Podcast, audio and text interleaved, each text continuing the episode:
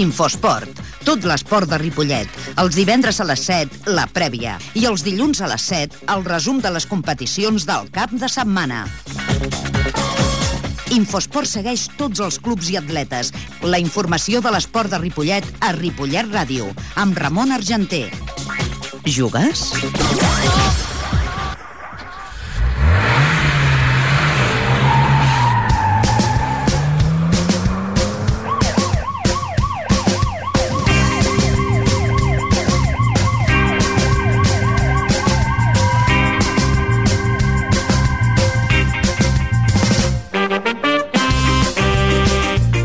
Molt bona tarda, són les 7 i 5 minuts i començant ja el programa d'Infosport, les vies de so, Fran Lladó i us parla Ramon Argenter. Hem engegat els motors, perquè ja sabeu que engeguem motors divendres, engeguem motor dilluns, i que aviat separaran els motors. Per què? Perquè s'acabarà la Lliga, s'estan acabant ja les competicions, queden dues jornades perquè acabi el món del futbol, eh, queda un parell de jornades perquè també s'acabi el món del futbol sala de la categoria preferent, queda una jornada que s'acabarà demà del món del futbol sala femení, amb l'equip de Can Clos, es va acabar la setmana passada la Lliga de la Territorial. Es va acabar la setmana passada també la Lliga de tercer trial de bàsquet i de futbol i que aquesta setmana hi ha el Ripollet de futbol, l'equip del hockey, també hi ha el handball, el tenis taula que està a Sierra Nevada, i també hi haurà, doncs, com no, la Copa Catalunya de futbol, que comença aquest cap de setmana amb l'equip la, amb l'equip de la Penya Portiva Pajaril. Eh, comencem i anirem a recordar doncs, que aquesta setmana el Club de Futbol Ripollet eh, avui hem de dir que tindrem protagonistes, com sempre, a l'entrenador Javi Varela de la Penya Deportiva Pajaril, a Xesco, entrenador de la FUT, l'entrenador del futbol sala Ripollet, Antonio Estremera, també tindrem, com no, a Carles Teixer, entrenador del club de, del, del bàsquet Ripollet, i també tindrem, doncs, eh, l'última quart d'hora, els últims 20 minuts del programa, el president del Club de Futbol Ripollet, Xisco Inglada, que parlarem de moltes coses. Però ara anem a recordar que queden ja dues jornades per acabar la competició de la categoria preferent grup primer i que el calendari per aquesta setmana seria Vilassar contra el Manresa, el Premià contra l'Olot, el Palau contra el Granollers, el Mollet contra el Farners, el Palafrugell contra l'Aigua Freda, el Canovelles contra el Vic, el Sant Hilari contra el Sant Feliu, el Saranyola contra el Tona i el Ripollet contra el Lloreda. Recordar que la primera volta el Ripollet va guanyar camp de Lloreda per 0 a 2 eh, i que va marcar Pedro i Fran, que van ser els gols que va marcar eh, aquest camp eh, amb el, el Quintal Lloreda. I que, en aquest cas, hem de dir que, per exemple, eh, la competició, aquesta jornada número 32, que va ser la setmana passada, líder a l'Aigua Freda, 79 punts, seguit de l'Olot amb 70, Mollet 61, Ripollet 58, Tona 50, els mateixos que el Premi de Mar, Palafrugell 47, Palau i Cerdanyola 46, Granollers 43, Farners 41, Manresa i Vic 38 i amb zona d'ascens directe Canovelles en 35, Vilassada en 33, Sant Hilari en 29, Lloreda en 22 i tanca l'equip del Sant Feliu amb 19 punts. I que el Ripollet li queda una jornada que a casa i una jornada fora. La de fora seria l'última, la del dia 30 de maig, que seria el camp del Farners, Farners-Ripollet. Hem de dir que a la primera volta el Ripollet va perdre amb el Farners per 1 eh, a 2. Hem de dir que el gol el va marcar Cristóbal i que el Ripollet doncs, eh, està a la quart lloc de la classificació i per quedar tercer tindria que guanyar els dos partits i que el Mollet en perdés un, que podria ser molt perfectament que el Mollet perdés l'últim partit al camp de l'Aigua Freda, perquè l'últim partit serien Tona, Vilassar, Olot, Serranyola, Granollers, Premià, Lloreda, Palau, Aigua Freda, Mollet, Vic, Palafrugell, Sant Feliu, Canovelles, Manresa, Sant Hilari i Farners, Ripollet. Això seria l'última jornada el dia 30 de maig. Ara, l'última serà aquest cap de setmana Ripollet-Lloreda, dintre a la jornada número 33 del món del futbol de la categoria preferent. Un Ripollet que és quart la Lliga en 58 punts, amb un Lloreda que ocupa la plaça número 17 en 22. Un Lloreda que la setmana passada doncs, empatava a casa amb el Mollet amb un empat a 0. Un Lloreda que vindrà aquí com a equip eh, que pot baixar la categoria, però que, que doncs, vindrà aquí, com fan tots els equips, a intentar guanyar el Ripollet i intentar salvar-se. Cosa que el Ripollet, doncs, ja sabeu que la setmana passada guanyava amb un magnífic resultat de 2 a 4 al camp del Granollers. Això eh, crec que ha pujat la moral i esperem que els 3 punts es quedin doncs, eh, aquí a Ripollet. Recordeu doncs, que tindrem també eh, el president del Club de Futbol Ripollet cap allà doncs, a partir de, de 3 quarts, a dos quarts de 8 possiblement. Continuem amb més futbol, perquè anem a recordar que aquest cap de setmana doncs, es juga la Copa Catalunya però anem a mantenir la, les paraules que manteníem el seu entrenador de la penya partida Pagarilla, Javi Parella, perquè doncs, hi havia una gran lluita entre diversos jugadors per conquerir el trofeig d'Infosport, que serà el dia 14 de juny. Pel Ripollet no hi ha problema perquè serà segurament Cristóbal, que és el jugador més destacat en gols, però hi havia diversos, diversos jugadors empatats a punts de la penya partida Pajaril. I finalment, doncs, la lluita eh, entre aquests quatre jugadors se l'emporta un. Anem a recordar les paraules de l'entrenador eh, Javi Varela. Ha estat una lluita, una lluita maca, no?, pel Pichichi. De totes maneres, eh, bueno, bueno, primer de tot he de dir que sí que són 90, el que passa que s'han de restar 11 del Mollet City. Bueno, ja, ja, sí. Vale, o sigui, quedarien 88, no? Bueno, però, però bueno, els heu marcat, jo com tots... Com, els, com que, els gols marcat, S'han marcat els gols, per tant... Els gols s'han marcat. Ara t'ho imagines que, que hagués marcat 11 gols a, a, a, al Claudio, a, a, al Mollet, i que els hi trenquessin, li traguéssim. No, no, no. Seria, seria, els, els gols seria... estan marcats. El que sí, el que sí, eh, ja va mm. passar 3 anys, amb un tal David Vidacanyes, mm. de que, per exemple, eh, si hi hagués un jugador, eh, per exemple, ara compta tot Dani Escalera que hagués marcat, jo què sé, 14 gols, no? O, o 17, sí. 17 gols, però hagués plegat, hagués plegat, mm. i ningú l'hagués avançat, se li hagués donat amb ell. Si l'hagués donat igual. Sí. Eh? Eh, uh -huh. Ara, si plega i no té aquests, però no té els, els 15 gols, però si hagués plegat i hagués quedat primer tot i plegant, plegant, sí, sí. cas que ha passat ara, cas que quasi, quasi ha passat amb el, amb el jugador Pere Iáñez de, de, de la de fut, que en portava 12 mm. i l'última hora doncs, ha sigut un altre, doncs, eh, vull dir, mm. un any ja es va fer, no, tot i no jugant, eh, clar, aquest xicot ha sigut el màxim golejador d'aquí, el que passa que ha plegat, però és que ha marcat mm. més gols de l'entitat. M'entens? Ja, vull dir que no els li restava el mateix que no restem, doncs, si, si el Claudio va marcar, o un jugador va marcar tants gols el dia del Mollet. El Mollet sí, sí. La federació us ha, tret, us, us ha tret els punts a tots i, i, i els gols no valen, vale? però els jugadors han marcat... Sí, tant... Ficat, exactament. S'han eh? ficat, s'han ficat. Doncs per això els tinc mm. comptabilitzats, no? 60 a casa, 39 a fora, i en total 99, i anàvem queixant només que 31. 35. 35 gols. 35. Ah. Mm. I llavors, doncs, sí, 35, perdó, 35. Sí. I llavors eh, tenia que allò que t'estava dient, eh, Pere Los Santos portava 5 gols a casa, 7 a fora, 12, mm. Dani Escalera en portava 6 i 6, 12, eh, Ismael Chamón 7 i 6, 13, i llavors eh, Claudio 10 i 5 a fora, doncs en total de 15 gols rebrà el trofeig d'Infosport el dia 14. Sí, a veure, li ha fet molta il·lusió al Claudio, eh? Sí? Sí, pensa que és un jugador que feia que no jugava i aquest any va tornar una altra vegada a jugar a futbol i a més a més ha sigut un any complicat per ell i, i és un jugador que va a torns no, al treball i clar, la, la, la, la, setmana que li toca treballar de nit o de tarda, pues, millor no entrena, no? i aquesta setmana doncs, millor doncs, no va convocat o va a la banqueta no? i juga millor a mitja horeta i encara tot i així ha fet 15 gols i ha fet una gran temporada pels minuts que ha tingut no? o sigui, l'ha fet molta, molta il·lusió està molt content i jo crec que també això li ha passat a Pere Los Santos, perquè aquest any Pere Los Santos, jo no sé si per falta d'entrenaments o per motiu de feina, tampoc no, no ha jugat molts partits, no obstant ha marcat 12 gols. Bueno, Pere, Pere també ha tingut un any complicat, també i sí que venia als entrenaments i bé, no? O sigui, és un jugador que està compromès aquest any segur, això sí que ja t'anticipo que aquest any plegarà segur això ja t'anticipo ara però és un jugador que aquesta temporada no ha tingut el seu, el seu any, no? Igual que l'any passat va, va tenir un any bastant bé, bueno, per, per lo que és, va ser un bastant any, 26 gols que va fer, va estar bastant bé. I aquest any s'ha quedat en 12 i, i és aquella mala ratxa, no?, que agafen els davanters de vegades, no? i quan es va posar 6, 7, 7, 7 jornades sense marcar, doncs, mm, moralment no li, no, li va bé, no li va anar bé. I a partir d'aquí no, estava, no estava ficat al partit, gairebé sempre tenia aquella oportunitat i no la ficava, que abans no fallava mai, però bueno, són anys el que diem. L'important és que, bueno, el que, lo que acabes de dir, aquestes dades, no? Un jugador amb 15, dos amb 13, un altre dos amb 12, o sigui, si tothom marca, vol dir que l'equip funciona i vol fa gols, no? De, de fet, el Dani Figueres és l'únic que no ha marcat en tot, de tot l'equip. Sí, ha marcat tots, sí, sí, és veritat, sí. És l'únic, ha marcat tots. I tinc un, menys, menys un tal, eh, també tinc un tal Pablo Ruiz, que no sé si és alt i és baix o què, que tampoc havia marcat cap gol.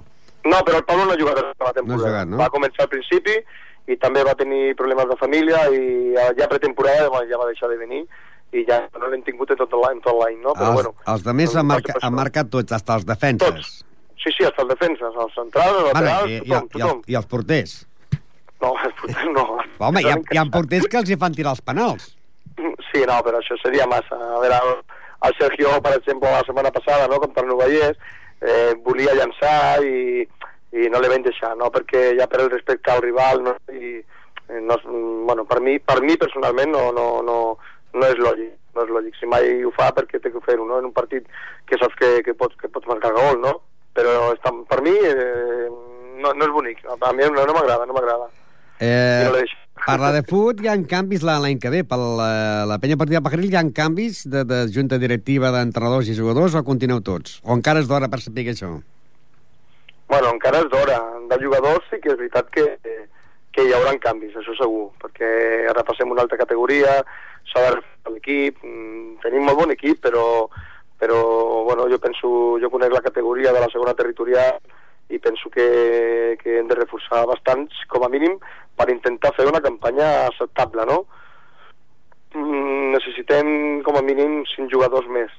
De fet, 3, 3 demà ja vindran, 3 nous hi ha dos fitxatges confirmats del, del júnior. Aquests fitxatges podrien jugar aquesta Copa? Podrien jugar, podrien jugar, però no jugaran segur. Ja. No jugaran segur perquè no, no ho faré tampoc.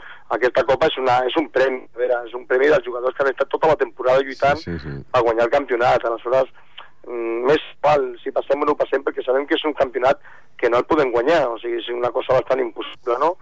Aleshores, aquest premi, que el juguen els jugadors que s'han guanyat aquest premi no seria lògic ara tot el que han estat tot l'any arribin ara tres o quatre nous i la juguin, no? No es correspon. Vosaltres no? eh, podeu, podeu escollir grup on estigueu a segona? Podem escollir, podem escollir, quin de grup, fet quin grup, quin grup eh, teniu pensat? Volem el grup o el del Vallès o el del Maresme. Una, una altra cosa és que te'l concedeixen. Però generalment sí, no, sí, no? Generalment sí, no?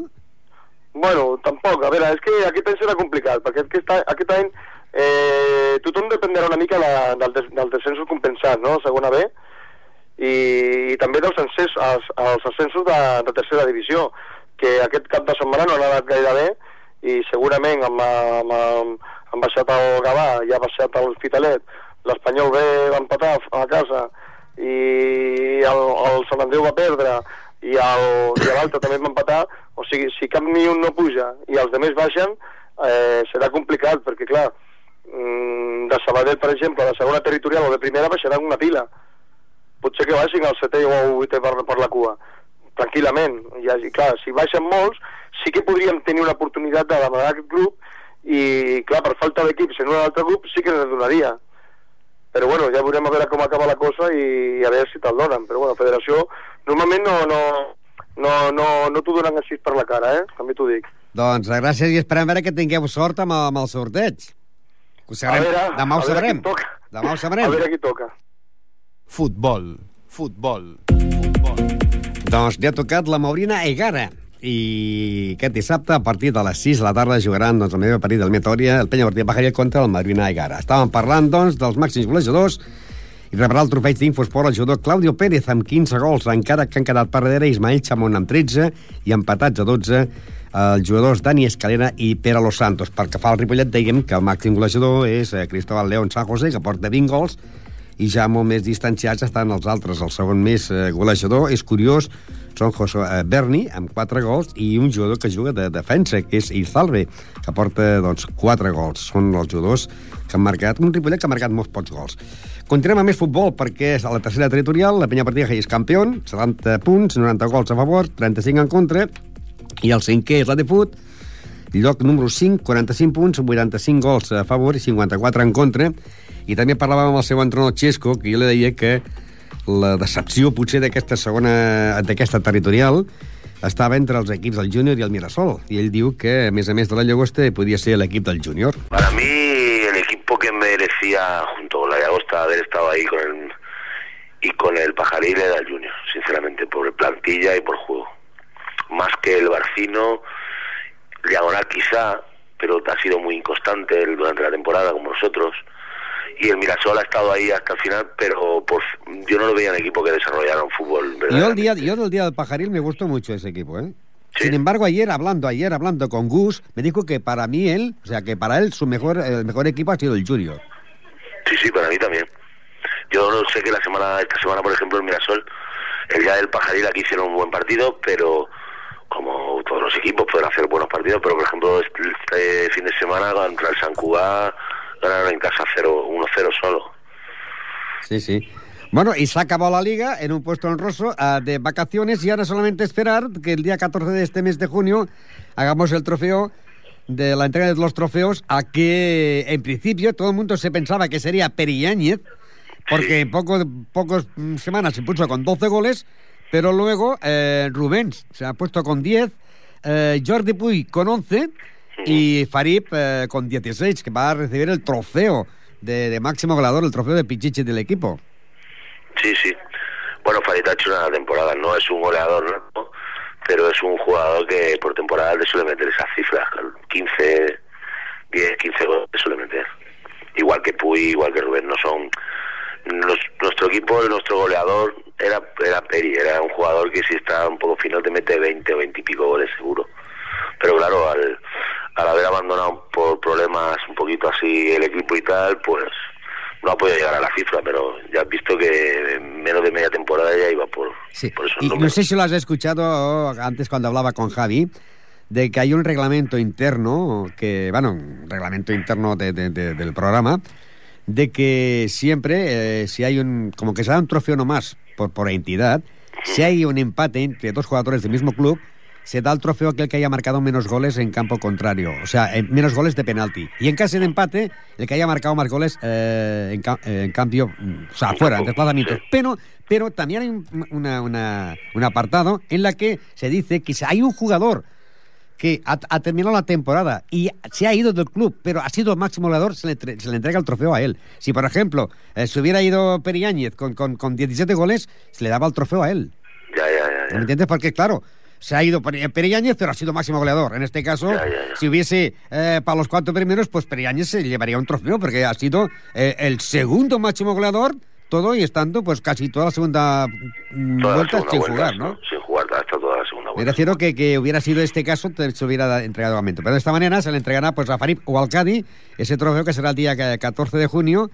Y esperemos que nos veamos aquí, pues, eh, si no todo el equipo, pues parte de la Junta Representativa, para asegurar de que si no está el jugador por motivos de, de trabajo, pues eh, el entrenador o un miembro directivo pueda eh, subir al podio para recoger el trofeo.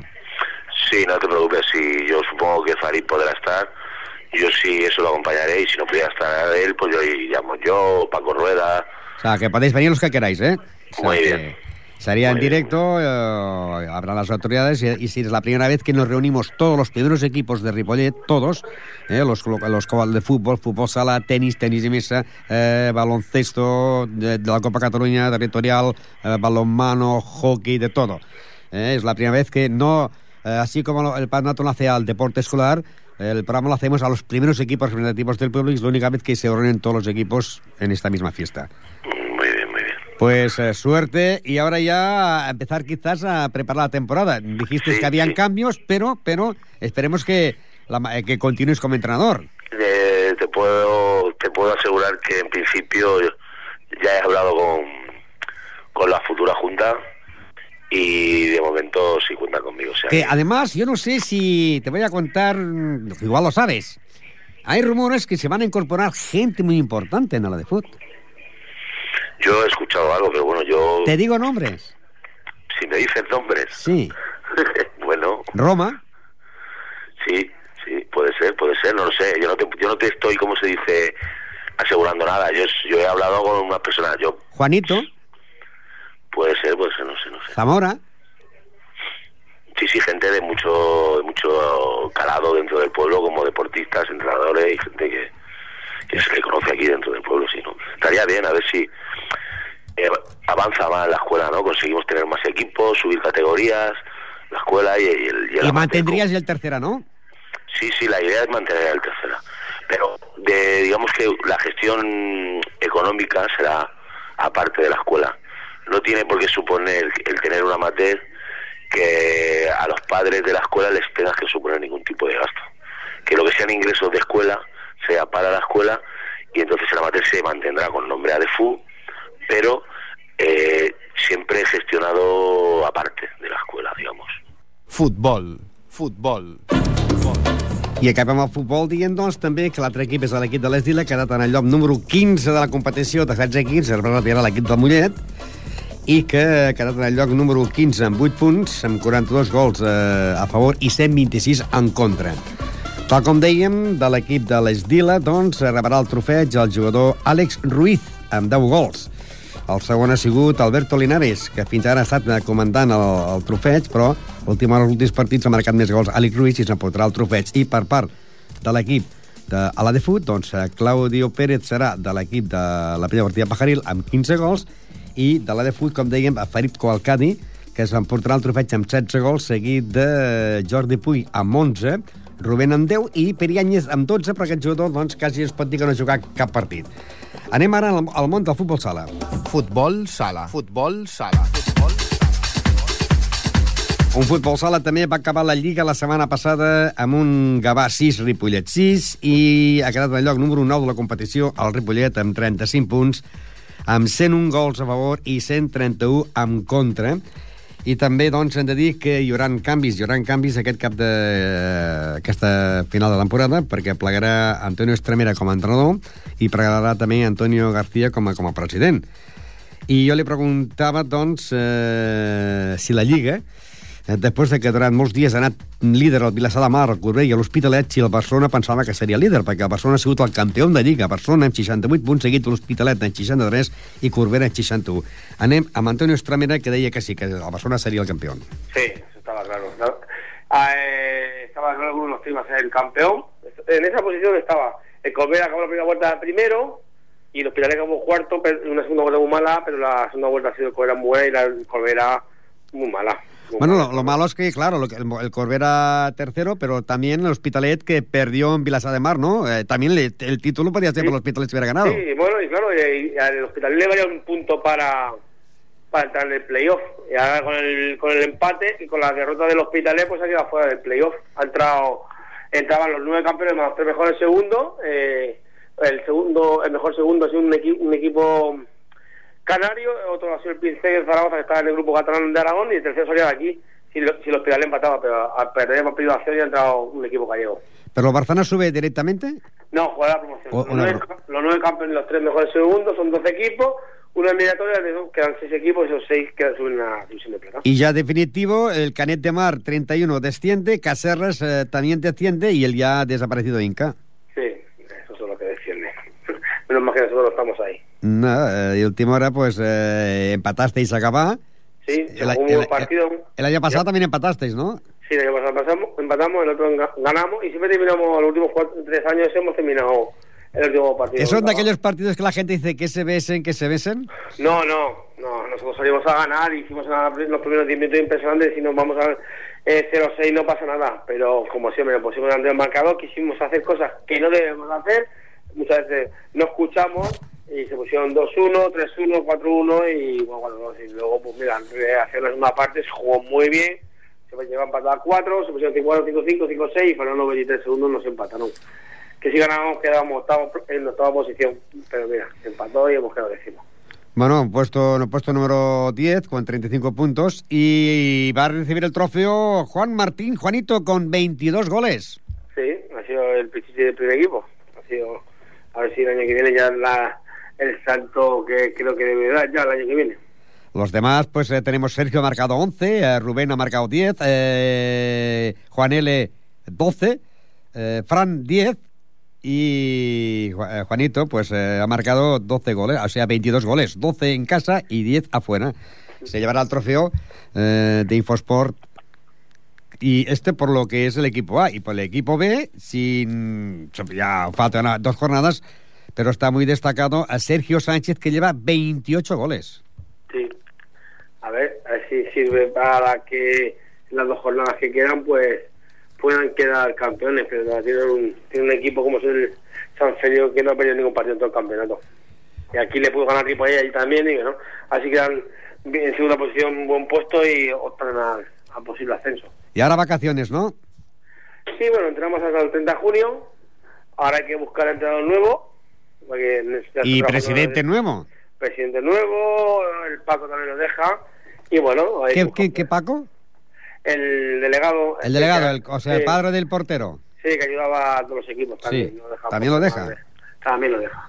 Entonces, jueves tenemos cena de despedida con el presidente y con el Paco, y bueno, a ver quién qué presidente tenemos. Hay que recordar que Antonio ha sido un grandísimo presidente. Lo deja por temas de trabajo, no por Sí, sí, ya, ya, lo dijo aquí en directo. Y es un problema, es un problema, ¿no? porque, porque lo ha llevado el año que viene a hacer, a hacer club 20, 25 años, me parece que ya, y bueno, es una pena, es una pena. Y bueno, a ver qué presidente sale. Nosotros, no me, tanto Juan y yo, nos meteremos ahí a ayudar, la directiva o, o, o delegado o, o yo que sé, o el cargo que nos dé. Y bueno, ya hay que pensar en la cantera, porque el, el B está con opción de poder ser campeón, el juvenil, si gana el sábado, será subcampeón, el cadete puede ser campeón todavía, el infantil está en tercera posición, por lo tanto, por abajo se está trabajando bien. Y esperando que algún día debuten en el primer equipo. Es más, el, jue- el sábado dice debutar el portero juvenil con el primer equipo, ¿eh? Por la primera parte. Ya, ya. El portero sí que hay en este club y buenos porteros. Así que el año que viene habrá competitividad. Futbol sala. Futbol sala. Futbol sala. Futbol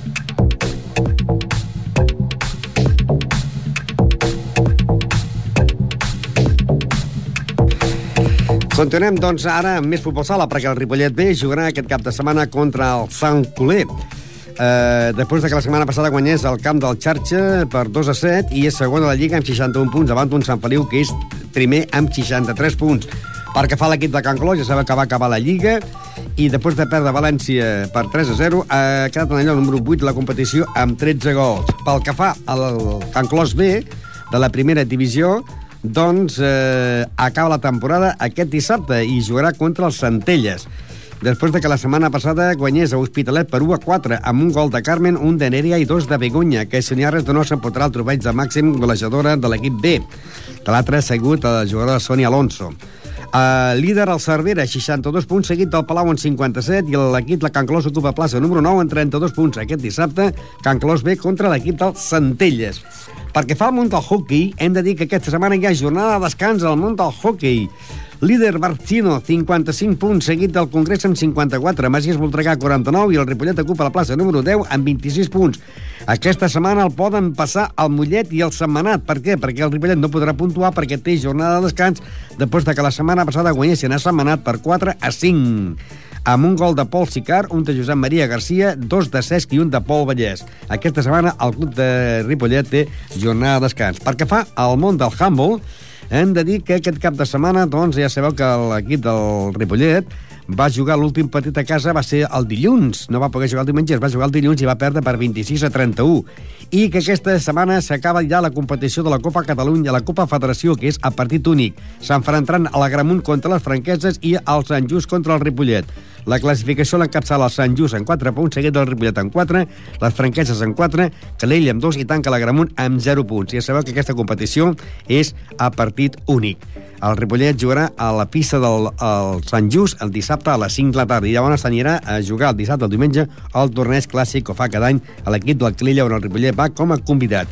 En el món del tenis taula hem de dir que s'han acabat les competicions, però que el club tenis taula aquest cap de setmana es trobarà a Sierra Nevada, a Granada. Estarà per jugar al top que organitza la Federació Espanyola de Tenis Taula. A la categoria Alevín hi ha convocada la jugadora la Júlia López, que tindrà que ju- jugar contra Sara Ballester, de Catalunya, Patricia Siles, de Madrid, eh, Júlia Roca, també de Catalunya, Cristina eh, Herrera, de Múrcia, i Natàlia Vargas, d'Andalusia. Perquè fa la categoria del juvenil femení, eh, Berta López, que tindrà que jugar contra Marta de la Vega, de Balears, contra Alba Rodríguez, d'Astúries, contra Paula Buena, d'Andorra, contra Xefang, d'Astúries, i contra eh, Pilar Herrera, de Múrcia. I a la categoria sub-23, la jugadora Cristina Pico, del Club Tenis Taula Finca Ripollet, tindrà que jugar contra Carmen Solichero, de Castilla, León i Madrid, de Ana Badosa, de Catalunya, de Girona, Lucía Alonso, de Castilla León, i, con, i contra Irene del Vigo, d'Astúries. Són les tres jugadores del Club Tenis Taula Finca Ripollet que estan doncs, aquests dies concentrades a, a, a Sierra Nevada a Granada per disputar aquest top de joves, top nacional de joves que organitza la Federació Espanyola de Tenis Taula. I anem ràpidament al món del bàsquet, perquè aquest cap de setmana ha la Copa Catalunya, i a la Copa Catalunya doncs, hi ha el partit d'eliminatòria entre l'Albert Design de Manresa i el Ripollet. Un Ripollet que la setmana passada guanyaven a l'Albert Disseny de Manresa per 77 a 70 i aquesta setmana juguen a Manresa. El partit seria dissabte a partir de les 17 del vespre. Si el Ripollet guanya a Manresa, la cosa està salvada i el, Ripollet aguantaria la categoria. Si perd a Manresa, es tindrà que disputar un tercer partit aquí a Ripollet. Aquest té factor pista a favor. Anem a recordar les paraules de Rafa Díaz, que és el president, que diu que encara que no podrà jugar el seu pivot, el seu màxim realitzador, Lliçard Termes, eh, que el partit jo creu amb la victòria dels dos equips. Ha sigut, la segona volta ha sigut una miqueta una miqueta de nervis, els, els nois no acaben de d'allò, però el grup humà és important i estic convençut que amb el grup humà aquest que tenim, tant del B com l'A, sortirem d'aquesta situació i mantindrem categoria sense cap, sense cap dubte. Al primer equip hem notat que la baixa de Forner, un jugador molt important, que va començar la Lliga quasi, quasi ha estat tota la Lliga sense jugar. S'ha notat molt en l'equip, no? Sí, ha sigut aquesta, aquest hàndicap de, les, de, de la segona volta i després també l'Albert també se'n va anar i són situacions que, que a dures penes pues, és, és, és, no han tingut una continuïtat i ha sigut això, però al final jo que estic convençut que aquest equip el grup humà que és, és meravellós i aquest, aquest grup humà aconseguirà mantenir-la i faran un bon paper. El primer partit ja s'ha guanyat, la primera eliminatòria, bueno, el primer, el primer partit, el, el B ha guanyat en el Premià, i tots dos equips tenim la importància que tenim el factor pista a favor en cas de desempat, no? Correcte, correcte. Tant un, eh, tant un com l'altre, el factor pista està en nosaltres, i, i si referent al bé, nosaltres, la Junta està, està molt orgullosa, molt orgullosa. Va ser una aposta de, amb aquest equip, una aposta molt, molt arriesgada, però estem molt contents perquè gairebé els nois són molt jovenets, són molt jovenets. Eh, N'hi ha nois de 17 anys, de 18, el que tenia un màxim que n'hi ha de 23 i estem molt orgullosos del paper que estan fent i per nosaltres eh, ja va bé, ja va bé i el grup és meravellós. Estem molt orgullosos del bé, indiscutiblement també de l'A, perquè també però era l'aposta aquesta del B que ha sigut una, una, una, una gran alegria i estem molt contents d'ell. A l'equip Pau té més difícil que el B per mantenir-se la categoria? No, no, no, jo crec que no. Jo crec que no. No, no, jo crec que els dos, els dos passaran tranquil·lament. Estic convençut. L'important és guanyar avui el primer partit, no? Sí, que dona primer, dona dos vegades. Ah, llavors, eh, avui se jugarà, se jugarà la setmana que ve, i si es guanyen els dos partits ja vacances, no? Vacances i a preparar la temporada que ve, que, que serà, duri, serà durilla, serà una miqueta, una miqueta dura. El que sí tinc entès que si hi hagués segon, bueno, el segon partit i tercer partit potser no podrà jugar en el primer equip Lliçard Ternes perquè ha de marxar fora? Sí, sí, tenia un compromís que era in... no, ho podien, no ho podien deixar i al final pues, se, se marxarà, marxarà, però bueno, el, la resta de l'equip, encara que no estigui la resta de l'equip farà, farà el que ha de fer i guanyarem. I estic convençut que al segon partit ja estarà tot acabat. Perquè, o sigui, el segon partit podrà jugar o no jugaria el tercer si hagués? No, no, el segon partit no jugarà. No jugarà ni, ni el tercer tampoc, però que estem convençut que la resta de, de, de, de, de, de jugadors amb aquest, amb aquest segon partit ja no, ja no farà falta ni el tercer i no, i no haurà cap problema. Estàs convençut, no? Convençut, convençut. És que, és que estic... Sí, el grup, ells, ells m'estan donant la, l'alegria la, i ells m'estan donant, m'estan dient que sí, que passaran i jo estic convençut d'allò. I de cada la temporada doncs, encara és pròxim per parlar, però què, continuen molts jugadors o no? Sí, la, nosaltres és, és una continuïtat i a, si algú es dona de baixa, alguna baixa, la nostra és continuar amb el que vam començar des del principi, és jugadors de, de Ripollet, jugadors que estan jugant fora i que l'entrenador pues, que, que miri, pues, que conti i que comenci a mirar si n'hi ha algun jugador que es dona de baixa. Bàsquet. Bàsquet. I continuem amb més bàsquet i acabarem precisament doncs, amb Carles Tatxer, l'entrenador del Ripollet B, perquè també juguen a la play-off per la permanència, després de que la setmana passada guanyessin en el Premià de Mar per 56 a 48 i aquest diumenge jugaran a les 7 a Premià. Premià Ripollet. Anem amb el senyor Carles Tatxer, que també està convençut de que poden guanyar. Sí, és el, el difícil i no coneixíem l'altre equip i era important a veure el primer equip, el primer partit guanyar-lo sense conèixer-lo i salvar l'objectiu. Abans estàvem parlant amb el president de que és una llàstima, no?, que els dos equips podien haver trobat en, en la zona per fer la permanència. Sí, bueno, nosaltres, el senyor B, ha sigut per nosaltres ja una, una gran victòria, tal com estava l'equip, a arribar a fer les fases amb el fotopista, vull dir, eh, estàvem els últims i clar, ens va costar molt eh, agafar la onda i, i arribar fins aquí, no? I nosaltres estem molt contents d'haver arribat a fer les fases amb el factor pista a favor. Guanyar el primer partit d'avui amb el Premià eh, es pot dir que quasi, quasi està salvada. Clar, s'ha de jugar allà, però ho tenim molt, molt encarrilat, no? No, no, perquè eh, eh, som molt joves al meu equip i no, no, no podem dir que actuem d'una manera o l'altra perquè som molt verds i a l'igual llavors se'ns en va una mica... L'important seria guanyar de diumenge i, i deixar-nos ja de, de la partit per no arribar al tercer partit, no? Però o sigui, no sé com hem respondre l'equip perquè et dic, som molt joves i a vegades els hi pot el nervi l'ansietat i això no, no es pot controlar. Jo no sé si aquest equip venia en baixos o no, però ja m'ha semblat un equip bastant inferior al Ripollet. És que jo de, de l'altre grup no, no, no coneixia, no, no l'havia vist mai, ni coneixia el nivell, no? Eh, jo, a veure, no anem de desmereixer, jo crec que hem fet de les millors defenses que hem fet avui, hem robat 13, n'hem perdut 14, però n'hem robat 13, eh? vull dir, en tota la temporada mai havíem recuperat tantes pelotes com avui, i avui hem estat amb una activitat defensiva molt, molt bona, molt bona, molt bona. Uh, avui s'ha jugat, s'ha guanyat amb el Premià de Mar, ara diumenge, uh, que, que ve a la tarda, no?, del diumenge. A les 7, a les 7 de Premià. I si en cas de pèrdua, tornaríem a jugar, llavors, diumenge que ve a casa a les 5 i quart. Si el diumenge s'acaba amb victòria, eh, hi ha alguna per celebrar o hi ha vacances? Uh, si, si, si diumenge és el que espero i desitgem i treballarem per això, hi ha unes vacances que s'ho han venut perquè ja et dic, anem tres mesos en respecte als altres equips perquè bé, el vaig agafar jo el mes de desembre finals i clar, doncs, fins que no ens hem el dia han treballat molt i portem molta, molta càrrega de feina. El que sí he sentit mentre es havia acabat el partit, que feia el salut de, de crit de guerra, que em sembla que aquesta setmana hi ha més entrenament de lo normal. No, no, no, no, no. No, el que passa és que aquesta setmana eh, el senyorat tindrà problemes amb dos pivots i si tenen que anar els pivots nostres diumenge que ve a jugar amb el senyorà, el, perquè el Lizard no podrà ser-hi i el, i el Repiu s'ha lesionat. Llavors canviem els dies per entrenar davant del senyorà i no tindré que vindre quatre dies d'entreno. Els dies que entrenem el senyorà també entrenem nosaltres davant i es quedaran a fer entreno més. O Llavors. sigui que algun, algun jugador del B passarà a ocupar l'A, però esclar, si, si, si jugat, perquè l'A quin dia jugaria llavors? Eh, segons tinc entès, juga dissabte ells. Oh, I si no, bé, si no, bé. tenen que deixar un jugador, perquè clar, l'important és salvar l'A, eh? Per què? Clar, perquè aplaçar partits, res, ni un altre dia tampoc, no? L'altre equip no voldria, està amb el seu dret, Clar, clar, és normal.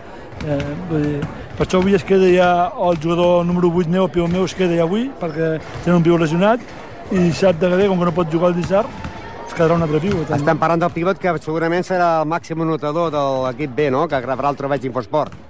Eh, bueno, estem allà, eh, és un dels candidats, sí, sí. Eh, també hi ha el, el base, també fa molt de punts, està molt, molt igual la cosa.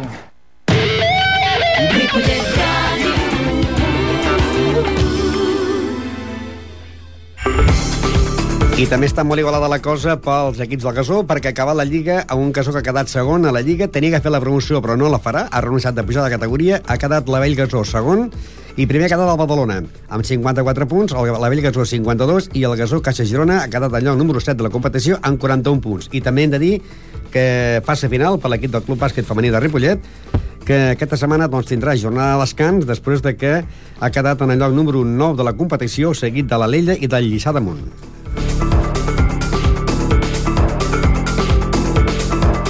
I bé, com sempre tenim ja doncs, a Miguel Llanoma. Buenas tardes. Hola, buenas Hola, tardes. buenas tardes. Al final de temporada del Club de Fútbol Ripollet, siempre de los deportes base, porque al primer equipo le quedan todavía dos jornadas y lo que ya habéis preparado es un resumen de, de la temporada, de los equipos base y también con en- en la entrevista con el presidente Con Inglada. Inglada, ¿no? Bueno, además también quedan más partidos de, de la base también, de juvenil quedan dos partidos y del Benjamín me parece que también.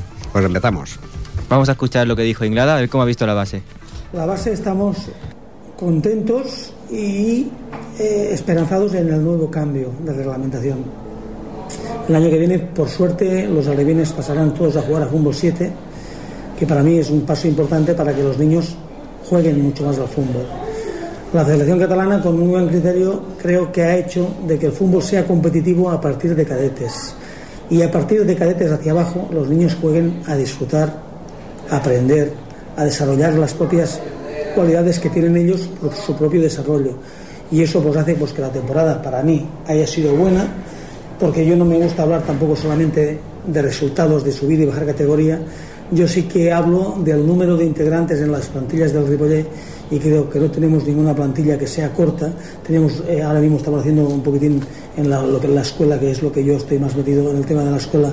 Tenemos que intentar crear nuevos equipos porque no tenemos ya más margen de, de capacidad. No cabe más gente. No cabemos ma- no cabe más gente y eso es importante, señal de que se está trabajando bien, señal de que la gente pues, ve el trabajo de la gente que está trabajando, los entrenadores y en esa parte estoy contentísimo. En la parte de arriba de, de la base, los juveniles, estamos muy contentos, sobre todo en el, en el juvenil, que pues, por fin ha subido de categoría. Esperemos que siendo campeón, todavía quedan dos jornadas, pero bueno, yo creo que tiene muchas probabilidades. Pero sobre todo una cosa muy importante para mí es que los juveniles, eh, los tres estaban en segunda y eh, si no pasa nada, no ha habido ningún espectáculo bochornoso como a veces en juveniles suele pasar. Y eso Sí, es lo que yo, yo lo que veo más importante de eso. Eh, hemos tenido algún problemilla a veces de falta de jugadores, pero el coordinador lo ha ido llevando bien y no ha habido ningún problema y se va a acabar la temporada pues con eso. El Alevina salva la categoría, el único problema que tenemos de, de pérdida de categoría es un Benjamín que creemos que baja de categoría de primera, pero con eso de las nuevas, eh, de la transformación de las categorías no sabemos si va a seguir estando más o menos en esa categoría como Mejor. se sí, como igual se puede salvar. Pero bueno, yo valoro el trabajo de la gente y bien, el año que viene nos viene ahora una nueva perspectiva porque la federación también nos obliga a que en un periodo de dos años tengamos todos los entrenadores que sean monitores con nivel 0 o nivel 1, que creo que es importante, y eso significa un esfuerzo nuevo en buscar gente pues, que tenga ese nivel, el nivel 0 o nivel 1, y en eso estamos. Y aquí lo haréis el curso este para... A ver, el nivel 0 yo fui de las personas que pidió en la Federación Catalana que fuera gratuito. Este año me consta que en Sardañola se está haciendo el, el un de cuesta 220 euros. Pienso que para un chaval joven es un dinero importante. Y nosotros le pedimos, eh, el Ripollé como club hizo una solicitud a la Federación y la Federación nos ha dicho que sí, que será el nivel 0 vía Internet, con un mínimo de 40, 50, 60 horas, que no la sé, que se podrán canjear mediante trabajos en el campo o constancia de actas de conforme son equipos chavales que están llevando equipos, con coste cero. Y eso sería importante para que luego en ese periodo de dos años todos los chavales que quisieran, vía internet, en las oficinas del club o en su propia casa, pudieran hacer el curso de monitor en nivel cero. ¿Y cuándo empezará este curso por internet? Mm, Nos lo tiene que hacer constar la federación, pero creo que la cosa mm, es inminente porque se aprobó. Ellos están, mm, nos han dicho que sí, se tiene que gestionar el periodo de, de- de inicio y periodo final. Vale. ¿Y algún equipo lo ha sorprendido? La verdad es que eh, me cuesta, yo por suerte los puedo ir siguiendo todos porque estoy muchos sábados, sobre todo los sábados, viendo equipos. Y lo que sí que me sorprende es de que hoy en día pues, el trabajo de los entrenadores cada día es más difícil, porque quizás los entrenadores trabajan con una presión añadida de que hoy en día los padres del fútbol base todos quieren que los críos sean unos cracks antes de, de- incluso de aprender a jugar al fútbol. Y lo que me ha sorprendido más que ese trabajo de los entrenadores, que es tan difícil, pues se haya llevado a cabo bien y es lo que me- más me sorprende. Un equipo que me haya sorprendido mucho, pues la verdad es que mm, no te podía valorar a uno en concreto, sino que valoro el trabajo de todos los entrenadores, Vale. como bueno. ¿Y el año que viene espera tener más jugadores? Yo, en los años que he estado en el fútbol, casi en el fútbol base de muchos años y luego en, en el fútbol de otras categorías como entrenador, sé que eh, en el fútbol siempre hay un entra, vete, bien, se van, vienen, por tanto, esperamos que algunos jugadores se vayan, pero esperamos que otros vuelvan. Yo creo que si se valora bien el trabajo y la gente no tiene prisas por llevar a los críos a algunas categorías que normalmente sirven, sirven para distorsionar un poquitín la vida familiar, porque no sirven para otra cosa, el padre tiene que llevarlos, esperarse. Yo creo que si se valoran vamos a tener los mismos jugadores o quizás un poquitín más. O sea que más o menos cada año igual. Sí. ¿Y el campo de césped de, de ahí arriba ha afectado? A, ¿Crees que afectará? Mm, Bueno, yo en principio me consta de que este año ellos hicieron una llamada que me parece muy correcta de, en algunos equipos que eran gratis, juveniles y creo recordar en la escuela, y nosotros hemos incrementado los juveniles y los prebenjamines. Me parece muy loable la actitud de otros clubes, pero bueno, me parece que no, no va a distorsionar. Ellos tienen su propio trabajo, además es una entidad que para mí, justamente para mí, creo que estamos desarrollando unas buenas relaciones, vamos a sus torneos, ellos vienen a los nuestros y yo no quiero buscar nunca a un enemigo en mi casa porque no lo quiero tener. Por tanto, pienso que es una- los dos podemos trabajar y ojalá, ojalá con el tiempo pudiéramos trabajar unidos. ¿Y pensáis hacer alguna campaña para, para traer a chavales esta temporada? Bueno, la campaña empieza porque nosotros este año es el primer año que hacemos un campus. Esto es para mí importante. Eh, eh, lo que sí que sabemos la dificultad del inicio de un campus, porque bueno, es un dinero que tienen que pagar los padres también. Además es una cosa nueva en la que nosotros lo, lo vamos a ver como una experiencia. Esperemos que sea buena. Pero eh, yo creo que mm, captar a la gente, para mí, lo más importante es el trabajo que desarrollas durante toda la temporada. Si la gente ve que los chavales están a gusto, que juegan, que eh, se divierten, que se lo pasan bien y sobre todo que no hay jaleos, que no hay esos disturbios que a veces pasan en los equipos incluso de base y en el primer equipo a veces también, pues si eso ven que no se lleva a cabo, la gente apunta a los fríos porque ven una entidad seria, con entrenadores serios y eso es el llamamiento. Creo que llamar a la gente cuando acaba la temporada es que durante la temporada no lo han hecho bien. El boca a boca es lo más importante en cualquier campaña publicitaria. La buena imagen que se, se arrastra. Y en cuanto a los precios, eh, ¿seguirán los mismos? Los mismos. ¿Sí? Nosotros, nosotros, a ver, entendiendo la realidad de- de- de- del pueblo, sobre todo que es un pueblo industrial y que por, por desgracia las industrias importantes de Ripollet pues están precarias como muchas industrias en el que el paro se hace cada día más, más paliativo, hay más, más parados y lo que no podemos hacer es subir las cuotas. Vamos a mantener las mismas cuotas, dar el máximo de facilidades como hemos dado este año para pagar, lo que sí queremos que sea un de obligado cumplimiento. Es decir, uno de los requisitos que tenemos este año es que no se puede eh, preinscribir a un muchacho que no haya liquidado la temporada anterior, porque nosotros no hay nadie, no hay nadie de los que estamos aquí que cobramos por nuestro trabajo, pero tenemos que hacer unas necesidades, compra de material, pago de arbitrajes, ropa, muchas cosas que en un club hay que manejarlas con dinero por desgracia y si no entra no podemos gestionarlo. Vale. ¿Y a nivel de club, hay algo, hay algo que quieras mejorar? Me gustaría mucho de que, eh, a ver, una cosa que es muy difícil.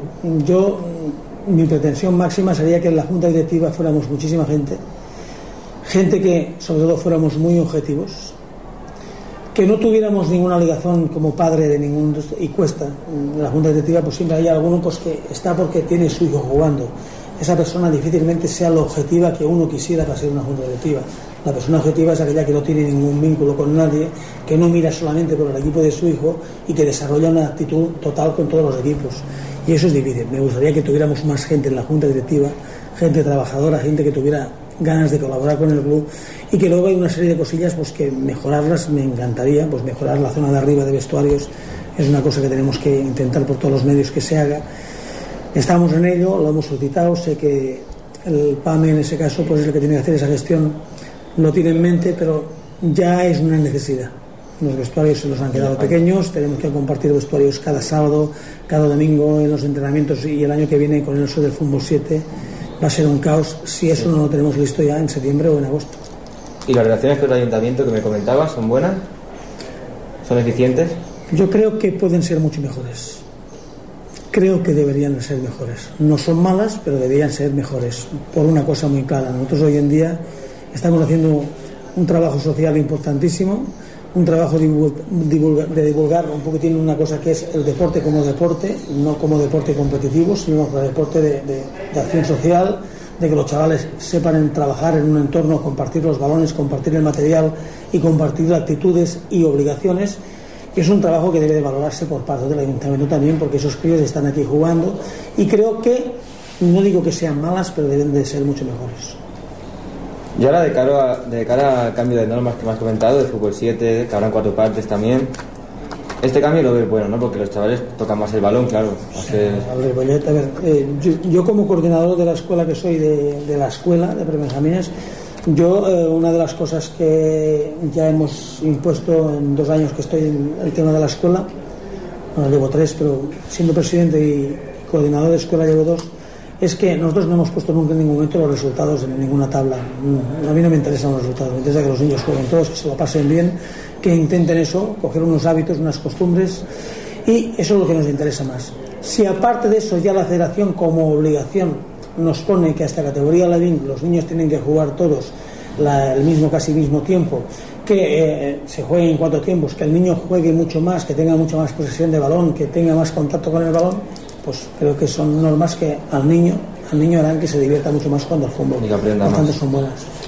pero también tiene sus inconvenientes, como que el campo, ya sabes que si los equipos son más cortos harán falta más, más terreno, ¿no? Mucho más. El único problema que tenemos es que tenemos un solo campo, que tenemos que compartirlos, que tenemos unos horarios, porque claro, si no pasa nada podemos pasar de 21 equipos a pasar a 25, 26 o 27 equipos, significa que son 27 horarios diferentes.